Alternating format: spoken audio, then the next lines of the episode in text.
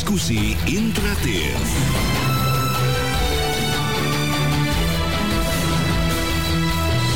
Ya, masih bersama dengan Yudianto Budiman. Pendengar kita mulai diskusi interaktif kita di sesi yang pertama ini sudah bersama dengan saya di ujung telepon anggota Komisi 5 DPR RI Pak Surya DJP. Sebelum saya menyapa, tentu saja nanti Anda bisa ikut memberikan komentar di 0215869000 atau SMS di 0811806543 ya. Pak Suryadi, selamat malam Pak Suryadi. Selamat malam. Assalamualaikum warahmatullahi wabarakatuh. Waalaikumsalam. Sehat selalu Pak ya. Alhamdulillah, mudah-mudahan semua sehat. Iya, nggak nggak ikut mudik nih Pak ya? Iya, kebetulan saya juga sudah berada di kampung ini. Oh. Oke, Pak, bagaimana nih Anda memandang kebijakan eh, mudik yang dikeluarkan pemerintah tahun ini? Dari mulai awal diperbolehkan, lalu dilarang, lalu saat ini dibatasi atau pengetatan. Semua tujuannya sebenarnya baik Pak ya, mencegah penyebaran COVID-19. Silakan. Iya betul. Jadi eh, pertama kalau dari sisi tujuan, niat baik dan apa yang menjadi keinginan pemerintah, saya kira kita akan dukung dan sepakat gitu. Hanya saja yang menjadi persoalan adalah eh, terkesan kegamangan pemerintah dalam merealisasikan tujuan yang mulia itu gitu. Kita memaklumi juga bahwa eh, situasi yang dihadapi ini sangat kompleks dan memang agak rumit gitu, terutama menghadapi misalnya bagaimana eh, menghambat tsunami gelombang kedua gitu sebagaimana di India kita memahami kesulitan pemerintah itu. Nah justru karena kesulitan yang sedemikian rupa seharusnya pemerintah ini lebih matang baik itu dalam mengelola pengorganisasian kemudian juga kebijakan-kebijakan termasuk produk kebijakan itu sendiri. Misalnya sekarang eh, hampir semua kebijakan yang terkait dengan larangan mudik ini bentuknya surat edaran dan masing-masing kementerian lembaga berlomba-lomba membuat surat edaran yang eh, dari sisi eh, apa peraturan perundang-undangan kita kedudukan surat edaran ini kan sebetulnya lebih banyak bersifat internal begitu. Misalnya Mendagri membuat surat edaran eh, melarang buka puasa bersama, eh, kemudian pada hari yang sama diralat dengan bentuk pembatasan. Apakah memang itu kewenangan Menteri Dalam Negeri? Kemudian juga dari Kementerian Perhubungan, ada juga dari Satgas Covid gitu, Kepala BNPB. Nah ini kesimpang siuran inilah yang menjadi problem kita sehingga eh, masyarakat sendiri kemudian menjadi bingung gitu.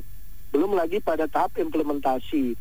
Misalnya apa betul pemerintah ini serius menghalangi atau mencegah penyebaran COVID gitu. Misalnya pada sektor tertentu begitu ketat, tapi pada sektor yang lain, misalnya seperti pariwisata, kemudian acara-acara ya sosial kemasyarakatan seperti pernikahan, ini juga masih berlangsung sampai sekarang. Begitu bahkan di pusat-pusat perbelanjaan kita tahu ya di mall, kemudian juga di pasar-pasar seolah-olah tidak ada COVID gitu. Hmm. Nah ini yang menjadi problem kita, karenanya eh, ya kita minta agar pemerintah ini memperbaiki koordinasinya. Kemudian yang kedua perlu melakukan kajian yang lebih komprehensif begitu, baru mengeluarkan kebijakan. Dan kebijakan itu pun harus dibuat eh, supaya menjadi payung hukum yang bisa ditaati oleh semua. Misalnya kan instansi Kementerian Dalam Negeri membuat aturan, lalu polisi mengatakan eh, atasan kami bukan Kementerian Dalam Negeri gitu. Atasan kami di daerah-daerah Polres, Polda mengatakan atasan saya Ka- Kapolri, saya tunggu perintah Kapolri misalnya begitu.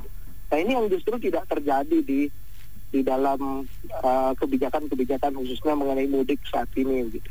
Itu yang kita nilai eh, kegamangan pemerintah padahal sudah satu, satu tahun lebih Hmm. kita menghadapi situasi ini gitu. Iya. Nah, sekarang Pak Suryadi, bagaimana Anda melihat perilaku masyarakat nih atas kebijakan yang Anda katakan tadi gamang ini? Karena ternyata banyak loh yang sudah mudik, termasuk Bapak sudah mudik ya tadi ya?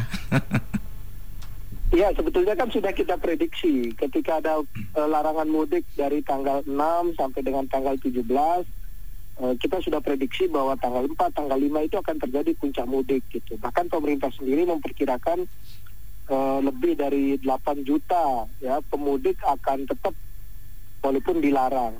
Eh, ada juga lembaga survei misalnya Pak Burhanuddin Mutadi ya merilis hasil survei eh, 38 juta akan tetap mudik walaupun dilarang gitu. Nah angka-angka ini kan sebetulnya udah bisa diprediksi lalu bagaimana antisipasinya termasuk juga uh, implikasi dari larangan ini. Ya satu contoh misalnya yang terbaru tanggal 4 kemarin ada seorang ibu-ibu naik motor pulang ke Lampung karena di PHK di Jakarta. Nah, eh, kasus seperti ini kan harus diprediksi banyak. Lalu bagaimana solusinya? Nah, besok ada yang tidak punya tempat tinggal lagi di satu tempat, mau tidak mau dia harus pulang. Nah, bagaimana solusinya? Nah, seperti ini kan, uh, itu harus sudah diprediksi dan kita juga berharap, misalnya selain kebijakan, anggaran pemerintah fokus ke uh, bagaimana mengantisipasi implikasi dari setiap kebijakan. Itu jangan malah misalnya kita lihat pemerintah justru uh, mengumumkan akan groundbreaking uh, ibu kota baru. Nah ini kan tidak nyambung masalah yang kita hadapi apa, tapi solusinya jauh dari apa yang menjadi realita yang sedang kita hadapi gitu. Nah ini yang uh, juga perlu menjadi catatan kita bersama. Hmm, ya, dalam artian bahwa uh, masyarakat yang mudik tahun ini sebenarnya tidak bisa dicegah ya Pak, Pak Suryadi ya?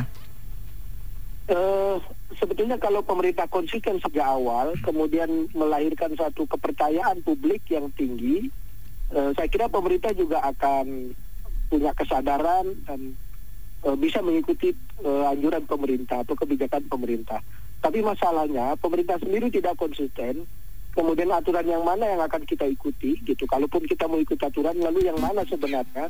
Karena pagi bilang A, nanti sore juga berubah lagi. Hmm. Kemudian yang kedua adalah keteladanan ya. Ya pemerintah melarang tapi pemerintah sendiri ke mana-mana ya kita tahu mulai dari presiden gitu sejak Berapa waktu yang lalu kunjungan menghadiri upacara pernikahan, kemudian ada kerumunan membagi sembako dengan melempar yang otomatis akan terjadi kerumunan. Ya, demikian juga uh, di sektor-sektor lain sedang digalakkan pariwisata begitu. Jadi uh, kita tidak melarang atau tidak memprotes niat baiknya termasuk juga kebijakan di satu sektor. Yang kita persoalankan ini adalah uh, kebijakan yang komprehensifnya yang belum gitu. Belum hmm. terkoordinir dan berubah-ubah juga gitu. Seolah-olah ini masing-masing kementerian lembaga jalan sendiri-sendiri. Ya akhirnya masyarakat tidak percaya begitu. Ya sudah saya jaga diri sendiri saja karena pemerintah yang kita harapkan justru seperti itu kebijakannya. Ya begitu. Iya kan karena ini kan akibatnya kan banyak cara nih dilakukan masyarakat nih Pak Suryadi untuk mudik atau pulang kampung lah ya dari mulai uh, yang uh, beberapa waktu sempat viral adalah memakai mobil ambulan atau bahkan dalam tanda kutip praktek suap petugas ini. Ini bagaimana Anda melihatnya? Betul. Dan itu masyarakat akan melakukan itu ketika tidak percaya lagi sama pemerintah gitu. Bagaimana kami mau taat sementara misalnya tanggal 4 ada video viral uh, warga negara Cina masuk melalui Soekarno Hatta dan itu mereka bebas saja. Begitu keluar dari bandara langsung naik kendaraan uh, tidak di apa kawal kemudian dikarantina. Kemudian ada juga dari India. Yang kita tahu India ini ada varian baru yang sangat berbahaya juga uh, lolos seperti itu.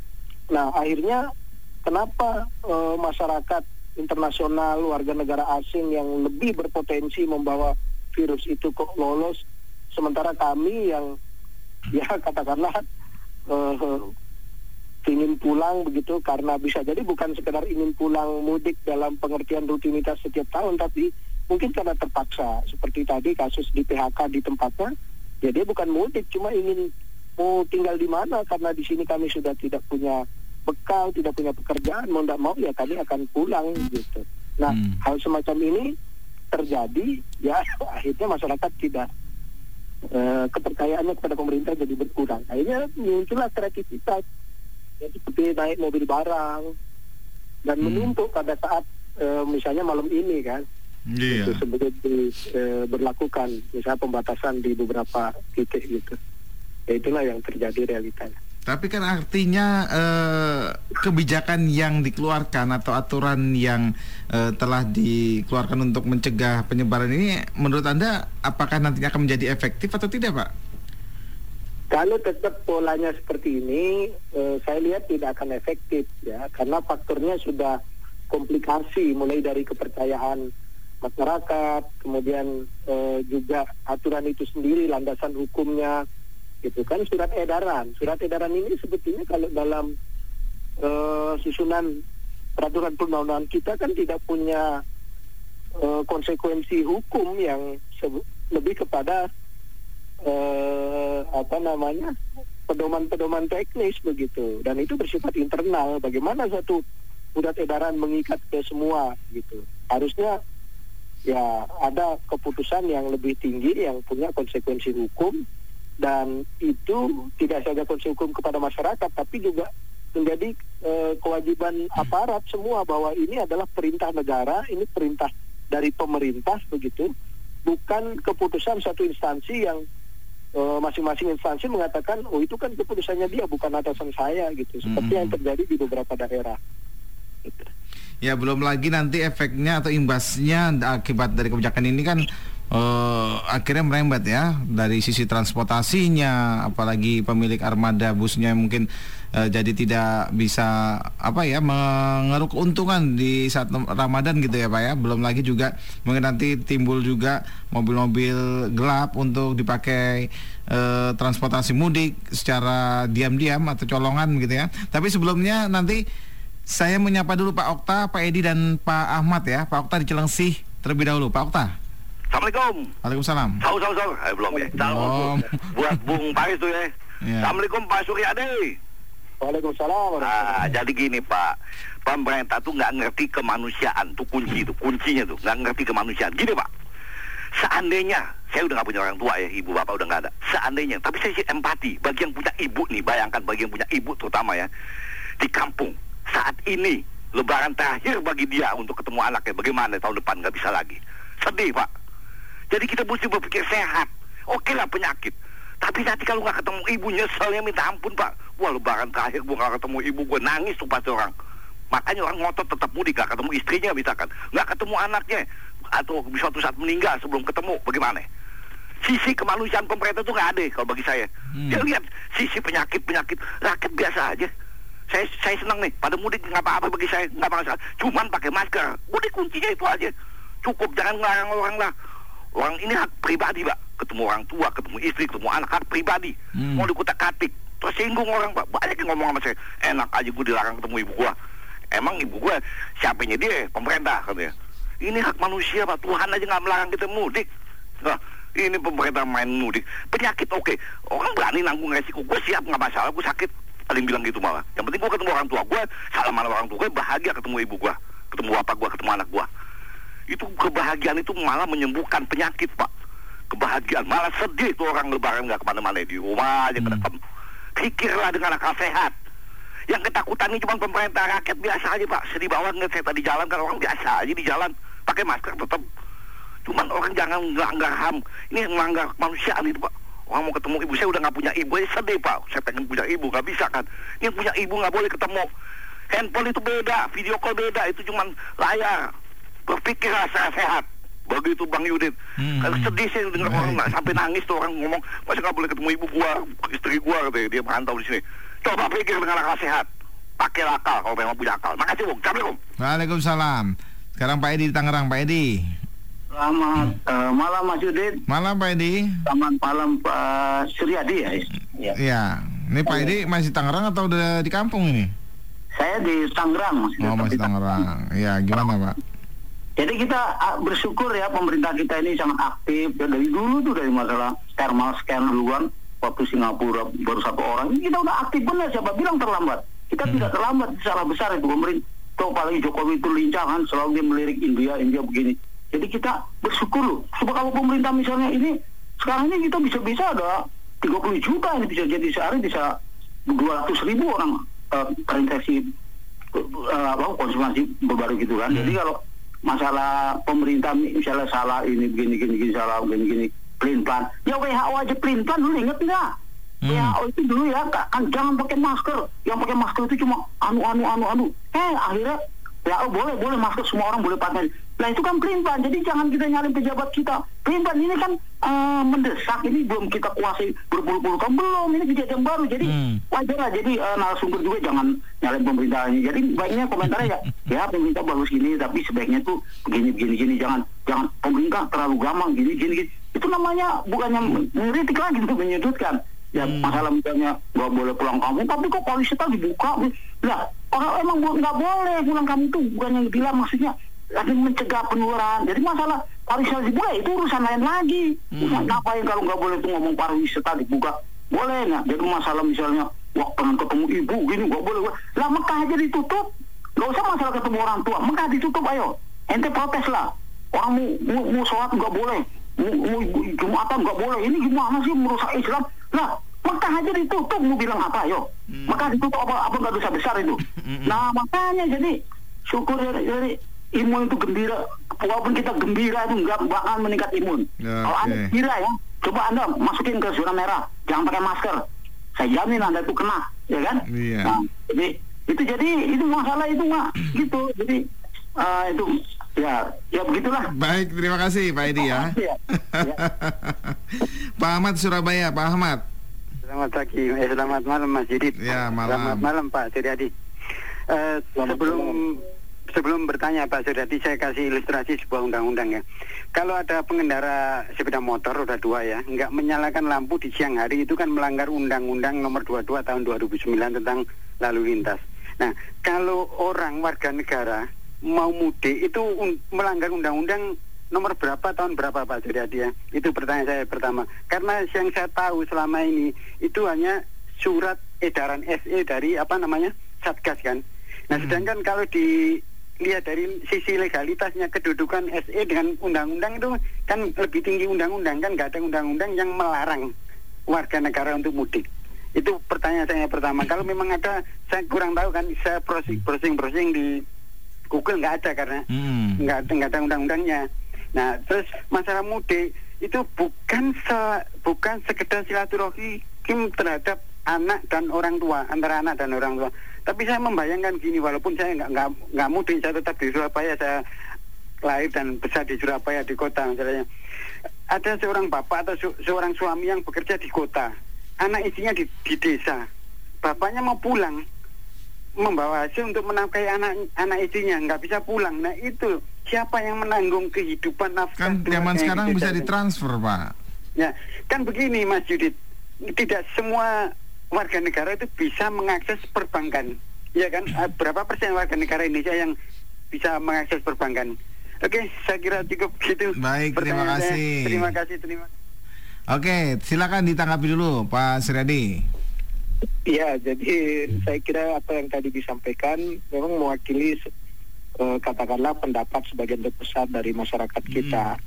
Eh, tapi lagi-lagi saya tegaskan bahwa eh, kita mendukung apa yang menjadi kebijakan pemerintah dan apalagi niatnya baik begitu. Hanya saja dalam mengambil kebijakan kan ini yang masyarakat jadi bingung gitu.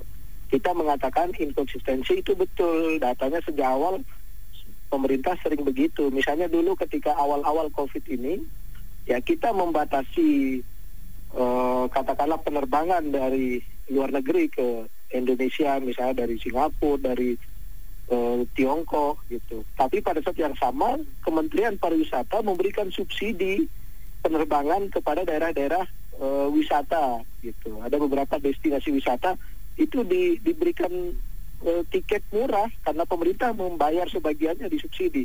Nah itu kan nggak nyambung gitu. Satu sisi kita melarang orang bepergian, tapi di satu sisi kalau mau bepergian ini saya bayarin tiket begitu.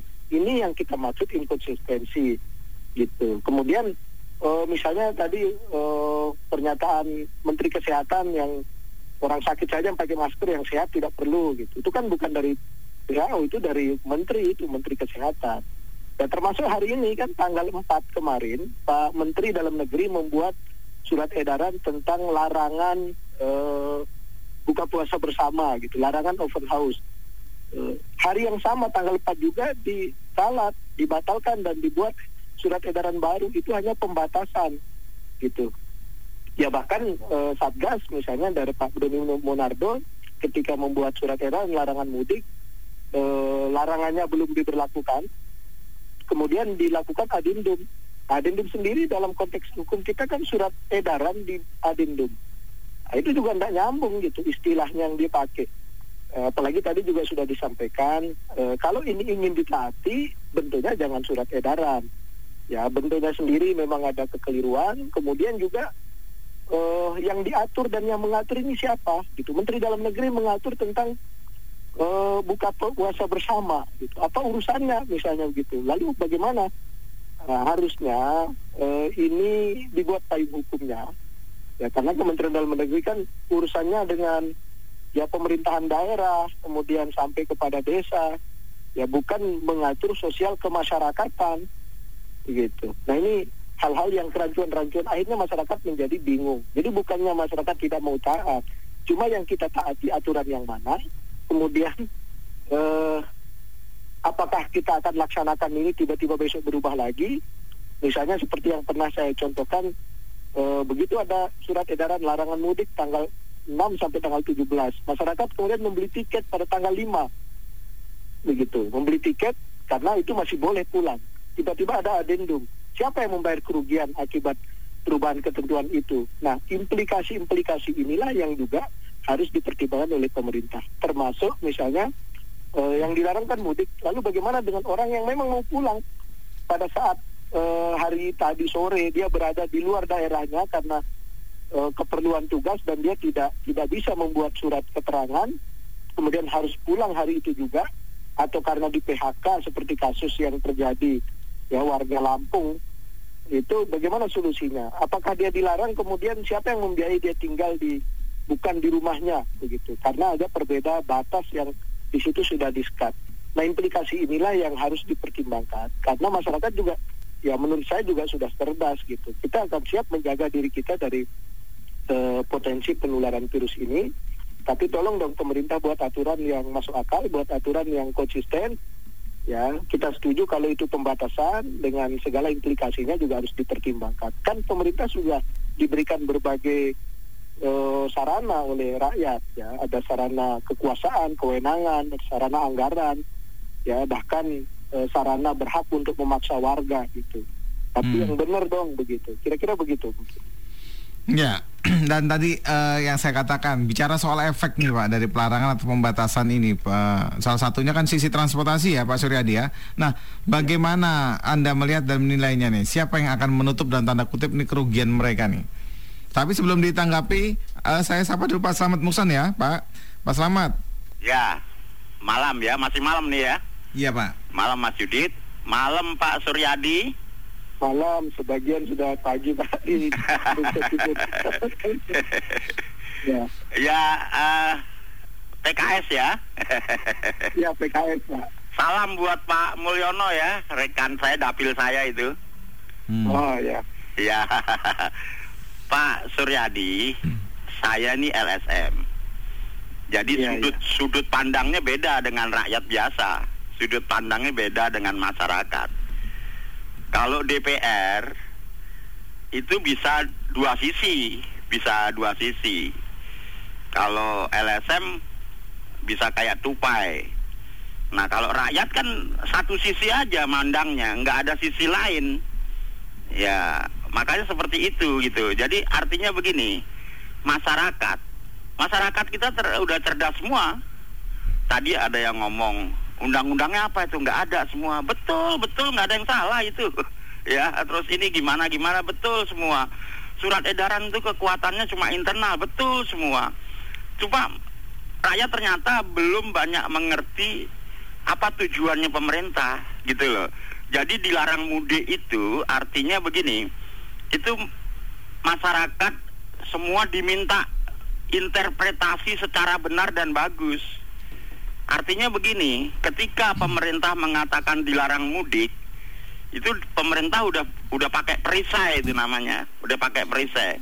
Nanti kalau terjadi COVID, gua kan udah ngelarang, lu kenapa nekat gitu? Cuma itu doang intinya dia cuma nggak mau disalahin aja, Hmm. gitu. Jadi intinya gua udah ngelarang kan, padahal ngelarangnya juga setengah-setengah, ogah-ogahan.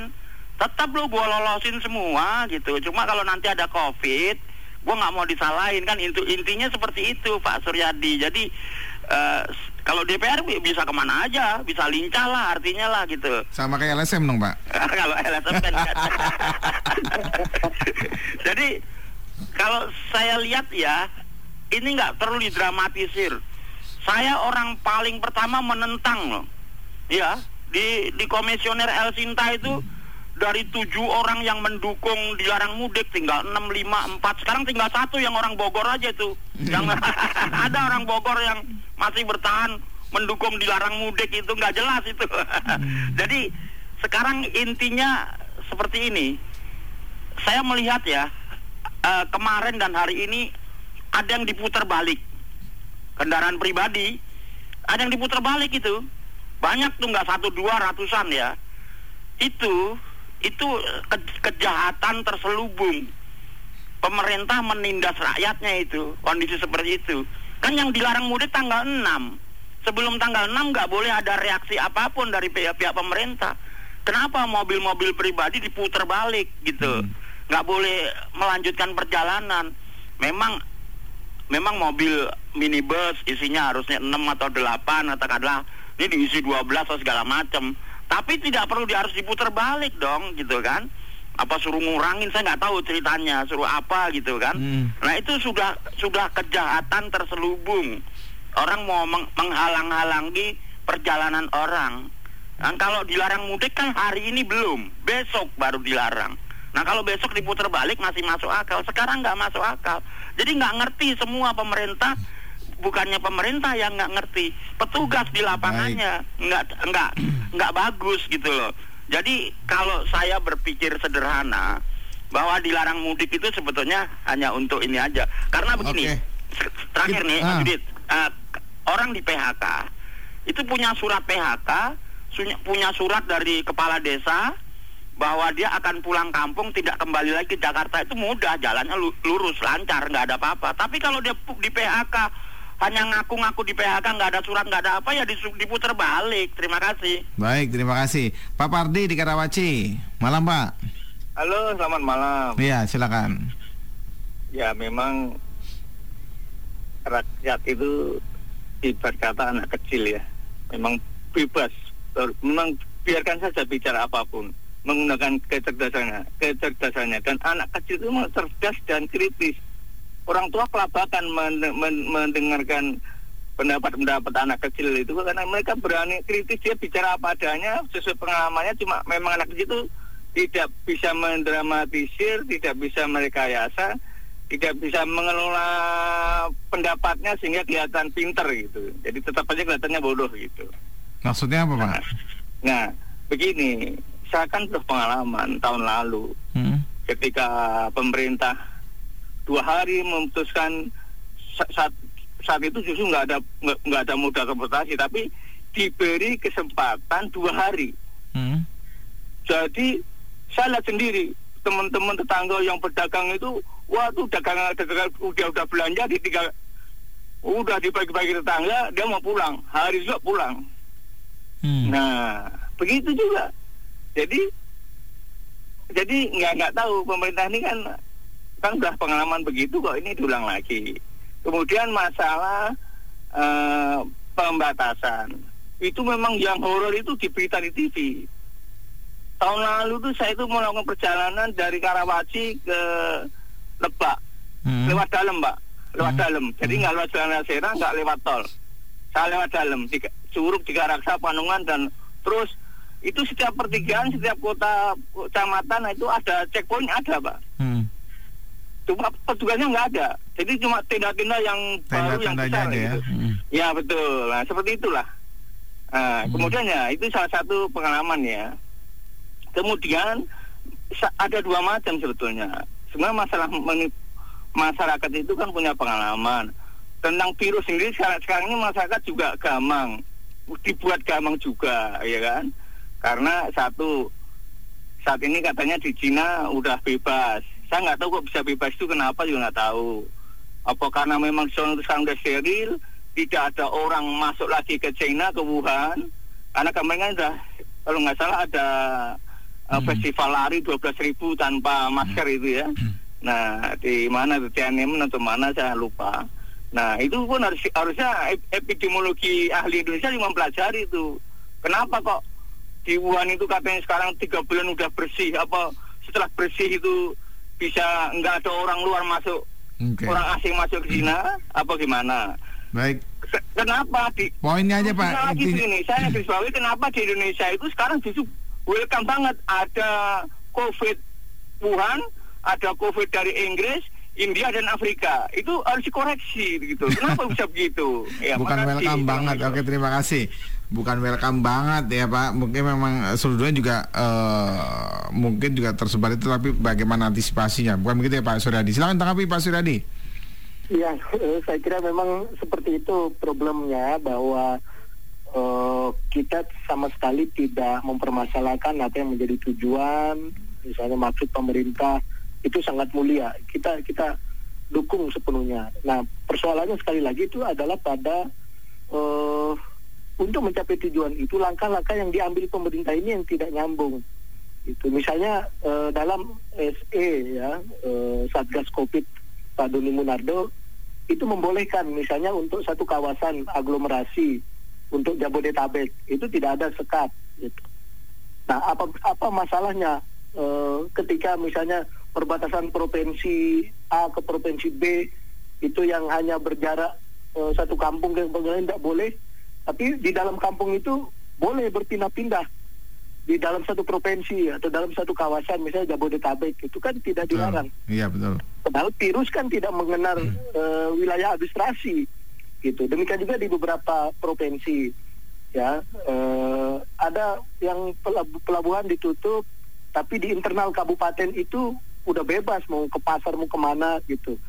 Ya sebetulnya eh, masalahnya sekali lagi bukan di di tujuan pemerintah, tapi implementasinya dan itulah yang kemudian membuat masyarakat jadi bingung.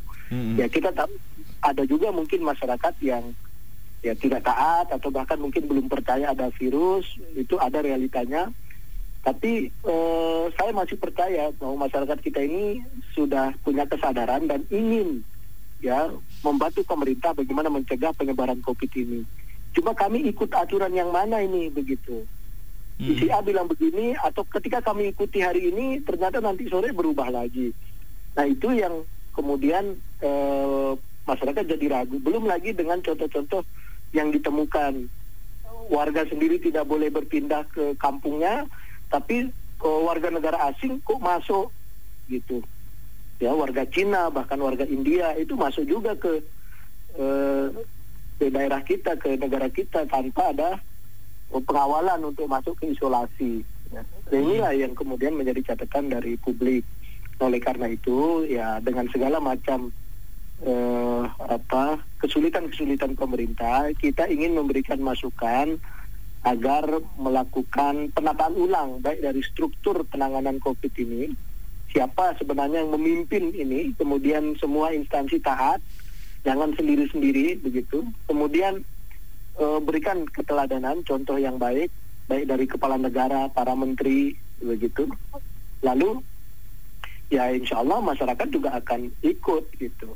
Termasuk juga bagaimana prioritas-prioritas kita saat ini seperti menangani implikasi dari satu kebijakan pasti ada implikasinya, ada efek sampingnya. Hmm. Nah itu juga siapa yang menangani efek samping itu, kementerian atau lembaga lain harus ditugaskan. Seperti larangan mudik, eh, Menteri Perhubungan tugasnya bagaimana membatasi kendaraan.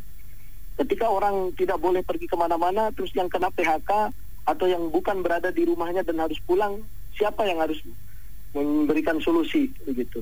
Iya. Ya, termasuk salah satunya Menteri Perhubungan menerbitkan stiker bagi bis yang boleh eh, mudik begitu yang boleh pulang pergi eh, karena sudah memenuhi persyaratan.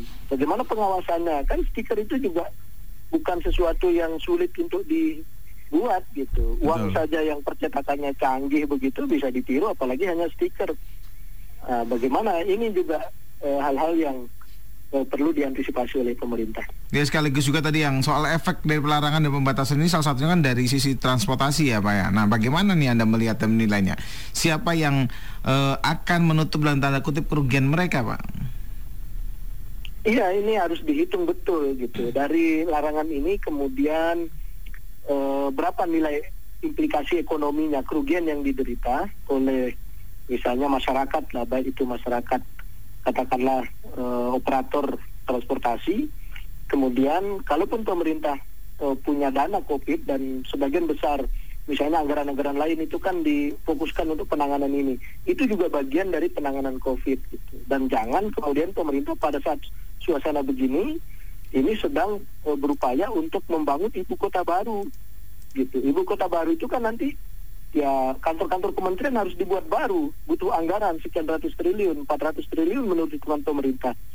Jangan dalam situasi begini itu membahas masalah eh, istana akan dipindah gitu ya menurut saya ini kemudian secara psikologis masyarakat akhirnya makin tidak percaya kepada pemerintah gitu. Dalam situasi di mana ada kebijakan yang punya implikasi harusnya itulah yang e, dicarikan solusinya bukan membuat masalah baru ya. Beban baru beban anggaran baru e, dan juga kemudian e, ya fokus kita sekali lagi nih masalah kesehatan masalah krisis ekonomi akibat dari pandemi. Itu jangan membuat hal-hal yang e, tidak nyambung dengan apa yang kita hadapi. Masalah kita udah jelas sekarang ini masalah pandemi, masalah ekonomi, ya dan implikasi-implikasinya. Fokus pemerintah ke sana, lalu tata ulang struktur organisasinya, ya baik itu pelaksananya maupun juga uh, instrumen aturan-aturannya. Jangan hanya sebatas surat edaran, ya dan insya Allah masyarakat akan uh, bisa memahami kalau itu konsisten begitu. Ya, baik terakhir nih Pak pertanyaan saya jadi e, pemerintah membuat aturan pelarangan untuk e, tidak mudik gitu ya, tapi ternyata ribuan warga telah mendalui mudik sebelum e, pemberlakuan kebijakan larangan tersebut yang kita tahu e, tanggal 6 ya besok ini ya. Nah, menurut Anda efektifkah kebijakan tersebut? Silakan sekaligus juga sebagai penutupnya. Ya, saya kira jelas ini tidak efektif ya. E, karena e, substansi dari pelarangan mudik itu adalah pelarangan agar COVID ini tidak menyebar secara luas. Nah, seharusnya larangan-larangan semacam ini itu lebih banyak dikeluarkan atas kajian bagian dari para ahli, ya ahli eh, pandemi dan seterusnya gitu. Jangan eh, diserahkan kepada masing-masing lembaga, masing-masing kementerian kemudian untuk berimprovisasi tanpa satu panduan kebijakan yang bersifat komprehensif. Itu harapan kita. Karena selama ini tidak komprehensif, maka tidak tidak akan banyak membantu efektivitasnya di lapangan. Belum lagi dalam hal implementasi para petugas aparat kita di lapangan juga belum tentu mereka seragam dalam menerjemahkan aturan-aturan yang aturannya sendiri tidak seragam apalagi implementasinya. Baik. Terima kasih Pak Suryadi sudah bersama dengan kami pada kesempatan malam hari ini. Selamat malam Pak Suryadi. Selamat malam. Assalamualaikum warahmatullahi wabarakatuh. Waalaikumsalam. Dan demikian tadi kita sudah bersama dengan anggota Komisi 5 DPR RI Pak Suryadi JP. Terima kasih juga bagi Anda yang sudah ikut berpartisipasi bersama dengan kami. Nanti kita lanjut lagi di sesi yang kedua masih bersama dengan Yudanto Budiman. Tetaplah bersama dengan kami dan kita ikuti beberapa laporan berikut ini.